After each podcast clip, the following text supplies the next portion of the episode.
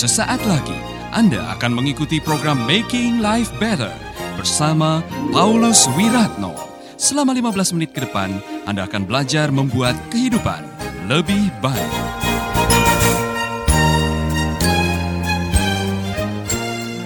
Pada hari ini saya melanjutkan apa yang saya bahas kemarin mengenai peranan kuasa Roh Kudus dalam kehidupan kita sehari-hari.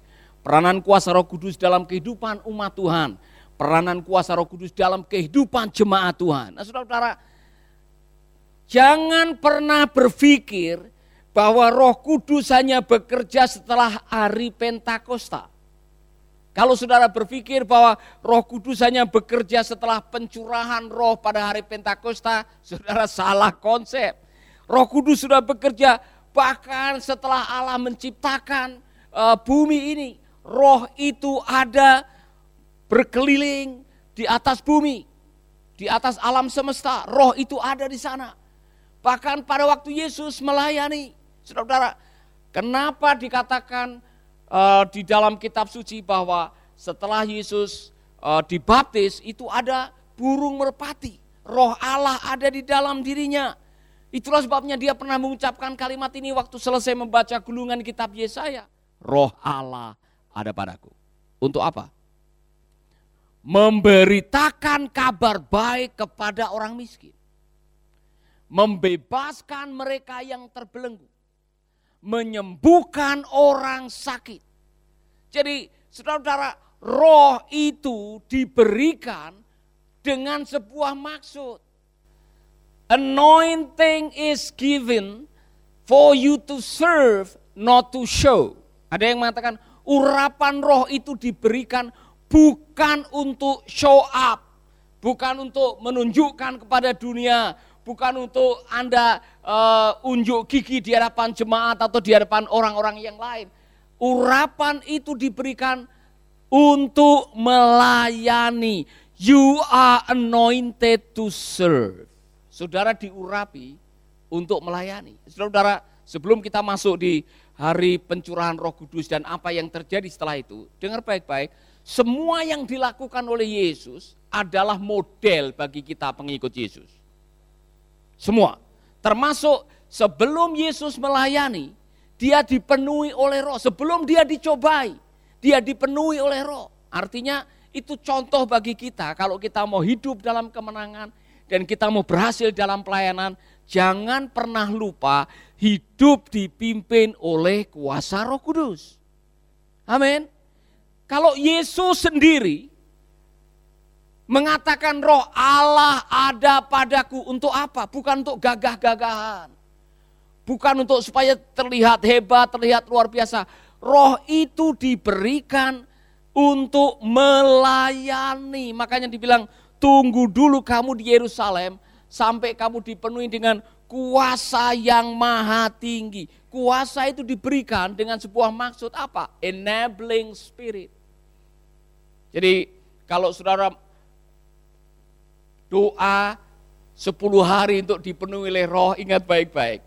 Mengapa Tuhan menyuruh para murid untuk berkumpul di Yerusalem sampai mereka dipenuhi dengan dunamos, dengan kuasa roh kudus? Karena Allah punya mandat. Go and make disciple. Jadi roh itu diberikan bukan untuk aksesoris Anda sebagai orang Kristen. Anointed to serve, not to show. Ingat baik-baik. Jadi saya mau mengingatkan kepada Anda semuanya yang rindu dipenuhi oleh roh dan saudara sudah dipenuhi oleh roh, saya mengucapkan selamat. Tapi setelah itu mau apa? Nah hari ini kita akan belajar apa peranan roh dalam kehidupan jemaat mula-mula. Dan saudara akan melihat ada beberapa C, semua dimulai dengan huruf C. Yang pertama, ketika orang dipenuhi oleh roh kudus, dia punya C, courage. Courage. Saudara punya keberanian. Yang tadinya penakut, yang tadinya gampang cemas, yang tadinya tidak berani menjadi pemberani. Contoh yang paling jelas adalah Rasul Petrus. Dari semua murid yang namanya sering eh, disebut-sebut di Alkitab, yang paling menonjol itu Petrus. Dan banyak menonjol dalam hal yang negatif, saudara. Petrus adalah contoh seorang murid yang ngomong duluan mikirnya nanti. Ya kan, beberapa kali dia punya peristiwa sampai dimarahi oleh Tuhan Yesus. Ya kan pada waktu Yesus menyingkapkan nubuatan tentang nanti bagaimana bahwa dia akan mati dan bangkit pada hari yang ketiga. Petrus marah. Jangan bicara seperti itu. Kemudian Yesus mengatakan, enyalah dari hadapanku engkau iblis. Saudara, Petrus pernah uh, dimarahi oleh Tuhan Yesus. Petrus juga yang sesumbar pertama kali sebelum murid-murid yang lain. Kalau murid-murid yang lain meninggalkan engkau, guru, saya Simon Petrus akan menyertai engkau. Tetapi pada waktu Yesus disalibkan, dia sembunyi-sembunyi, dia lihat dari jauh. Kemudian ada hamba-hamba atau pembantu uh, imam yang melihat, eh saya pernah lihat kamu bersama dengan dia. dia oh siapa? Saya tidak kenal. Apa yang kamu katakan? Ya kan? Sampai akhirnya tiga kali dia menyangkal Tuhan Yesus. Menyangkali. Menyangkali disown. Seolah-olah dia tidak kenal. Saya tidak kenal. Ah, apa yang kamu ngomong? Saya tidak kenal. Lihat batang hidungnya aja saya tidak pernah. Sampai seperti itu. Beberapa jam sebelumnya dia sesumbar. Kalau yang lain meninggalkan engkau, saya tidak akan. Dia takut. Kalau yang tanya tentara Romawi masuk akal. Kalau yang tanya adalah Algojo, Algojo Romawi yang bawa tombak, bawa senjata pedang dan mengatakan, saya melihat kamu kemarin bersama dengan orang Nasaret itu. Kemudian mengatakan, oh saya tidak kenal dia. Masuk akal. Yang tanya wanita, saya lihat kamu kemarin ya. Saya tidak kenal dia. Penakut, penakut. Bukan hanya penakut, saudara-saudara. Ini Petrus ini memang aneh sekali. Dia yang dikasih tahu wanita-wanita yang baru dari kubur dan ketemu dengan malaikat kalau Orang yang kamu cari sudah bangkit. Maka Petrus tidak sabar, dia langsung lari. Memastikan bahwa kubur ini memang kosong. Dia lari, kubur kosong. Beberapa hari berikutnya waktu Yesus mengunjungi dia dengan murid-murid yang lain. Mereka pada berteriak, hantu, hantu. Dan klimaksnya kekecewaan Petrus membuat dia pulang kampung. Dia jadi nelayan lagi. mancing. Saudara-saudara, Anda lihat Petrus di dalam kisah Rasul pasal 2 adalah pribadi yang berbeda. Anda masih bersama Paulus Wiratno di Making Life Better.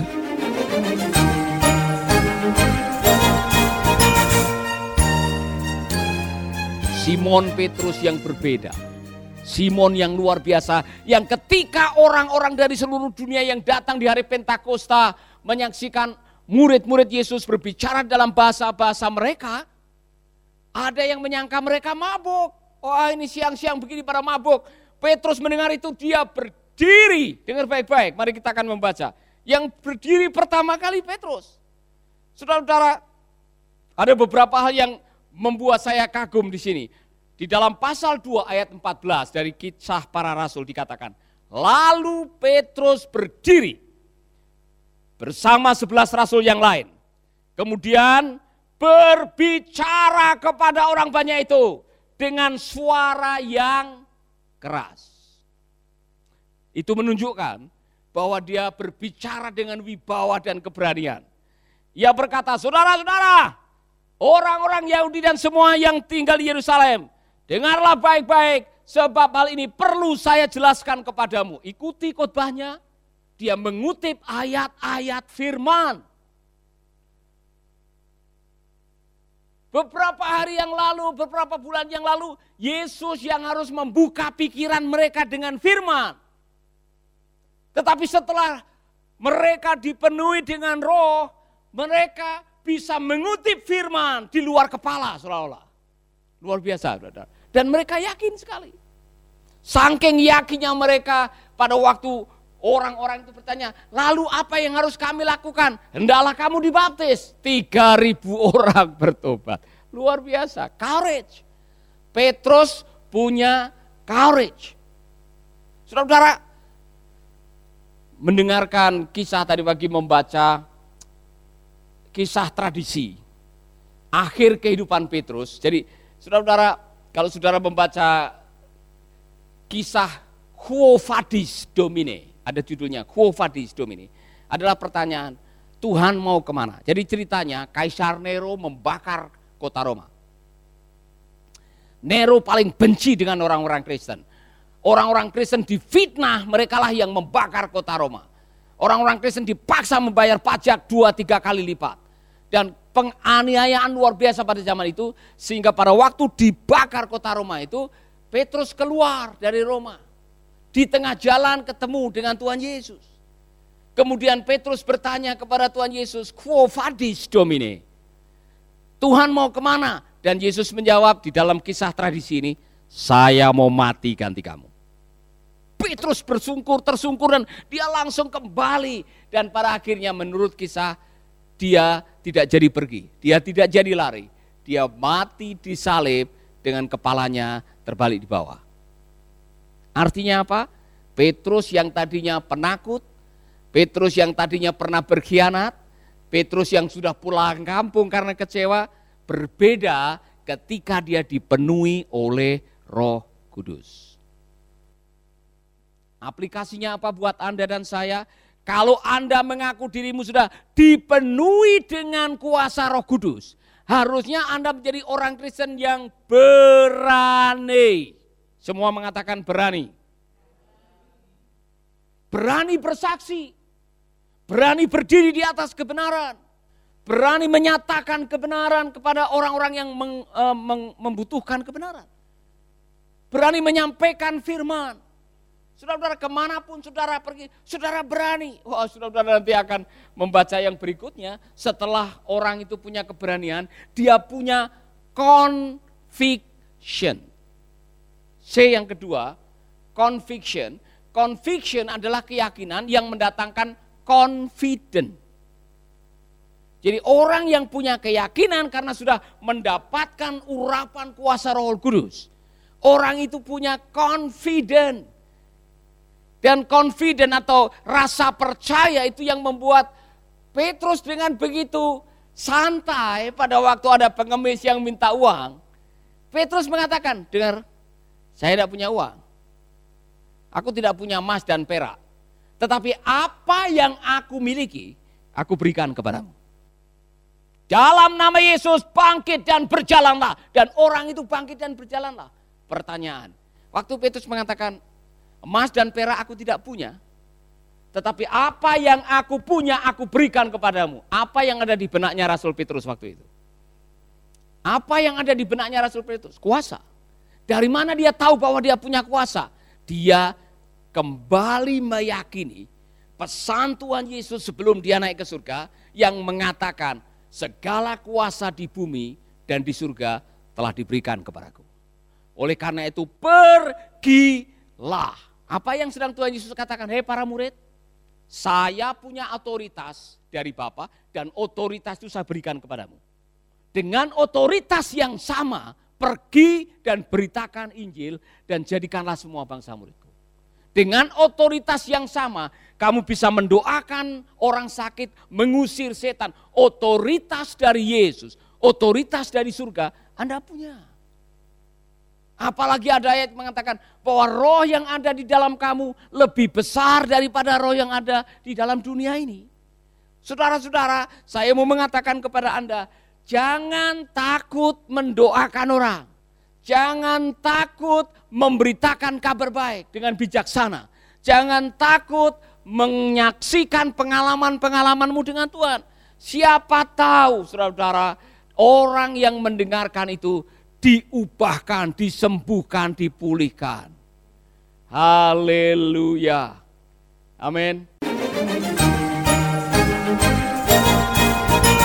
Sahabat, Anda baru saja mendengarkan Making Life Better bersama Paulus Wiratno.